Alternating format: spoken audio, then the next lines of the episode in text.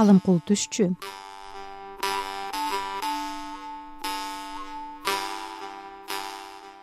Илгери илгери өмүрбек аттуу кан казынасын уурдатып жиберет. Ууруну ким таба турган болсо малымдын теңин берем таппасаңар баарыңды күнөөгө тартам деп бүт элин чогултуп жар салат. Элдин айласы кетип кандын каарынан коркуп мына ушул алымкул деген түшчү ууруну ушул таап берет дешип бир кишини көрсөтүшөт алымкул айылдан алыс үй тиктирип ууруну табууга кырк күн мөөнөт алды. Кан кырк күнү кырк кой союп алымкулду бакмак болду. Баары бир кан өлтүрөт андан көрө кырк күнү кырк кой сойдуруп жеп анча мынча болсо да жыргап алайын деп кырк өрүк алып баштыгына салып койду. Бир күн өткөндө бир өрүктөн жеп коюп баягы өрүктүн түгөнүшүн санап жатты. Кандын казынасын уурдаган кырк ууру болчу. Алар түшчү алымкул эмне түш көрүп ууруну таптырат экен барып билип кел деп бир уурусун жиберишет. Ууру келип үйдүн артынан алымкулду тыңшап турду. Алымкул жатаар маалда баягы өрүктөн бирди алып кырк элең бирөөң келдиң деп өрүктү жеп жатып алды. Үйдүн артында тыңшап турган ууру алымкулдун сөзүн угуп коркуп кетти. Ал ууру жолдошторуна барып кокуй биз өлгөнү калыппыз. Мен тыңшап турсам кырк элең бирөөң келдиң деди да жатып алды деп айтып берди эртеси дагы бир ууруну жиберишет. Алымкул уурунун тыңшаганын кайдан билсин? Эки күн өттү деп санаа чегип өрүктүн бирин алып туруп кырк элең экөөң келдиң деп экинчи өрүктү жеп жатып алды.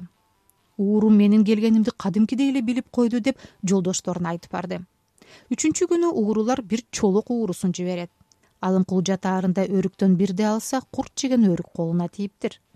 Кырк элең үчөөң келдиң келгенде да майрыгың келдиң деп айтат эшикте турган чолок ууру коркуп билерин го билиптир мен качканымда деле канга айтса кармап алат. Андан көрө өзүм айтайын деп баягы чолок ууру кирип барат салам айтып. Алымкул сыр билдирген жок.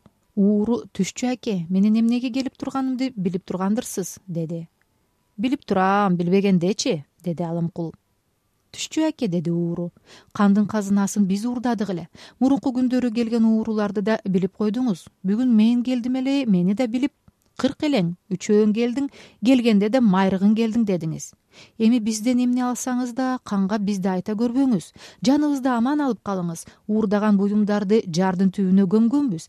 Эчтекесин короткон жокпуз деп жалынат. Ээ болуптур балдар деген алымкул ичинен сүйүнүп бирок сыр бербейт бүгүн келбесеңер эртең канга айтмакчы элем келгениңер жакшы болду.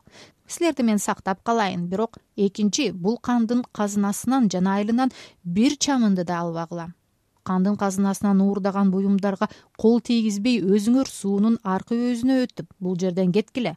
Эгерде экинчи ирет айылдан чычкак улак жоголсо силерди дароо канга кармап берем деди алымкул түшчү ууру сүйүнгөн боюнча кетип жолдошторуна болгон окуяны айтып түнү менен башка жака качып кетишти экинчи бул жака келип ууру кылбаска ант беришти. Алымкул болсо уурулардын оңой жерден табылганына сүйүнүп өлүмдөн калганына тобоо келтирди. Кырк күнгө чейин кандын кырк коюн жеп чайын ичип жыргап жата берди.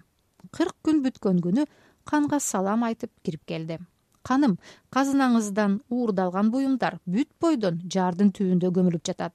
Барып каздырып алыңыз казынаңызды кырк ууру уурдаган экен. Алар суудан өтө качышты эми аларды таба албайсыз. Бирок мындан кийин сиздин элден чычкак улак да жоголбойт деди. Кан жардын түбүндөгү дүнүйөсүн ташытып алды. Алымкулга убадасы боюнча малынын теңин бөлүп берди. Арадан көп убакыт өтпөй жылкычылар бир бээ жоголду деп калышты. Кан алымкул түшчүгө айтты алымкул түш көрөм деп жатты.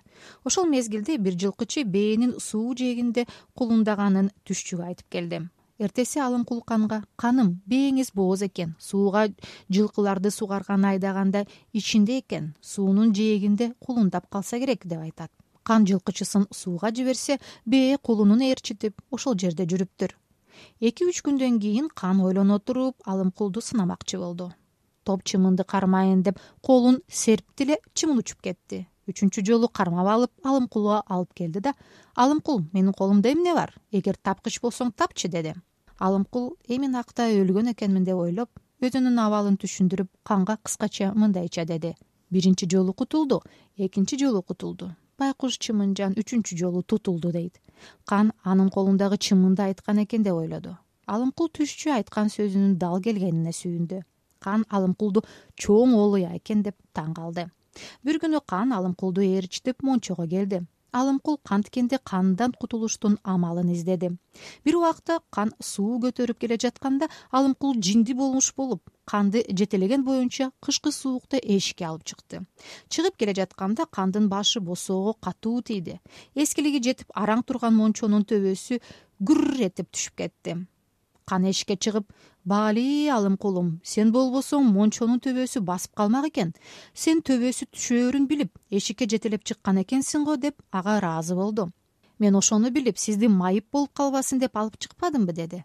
Кан ыраазы болуп бир ажалдан алып калдың. Эми башыңа азаттык бердим деп алымкулду бошотуптур алымкул айла менен кандан кутулганына сүйүнүп өз оокатын өзү кылып жашап калган экен дейт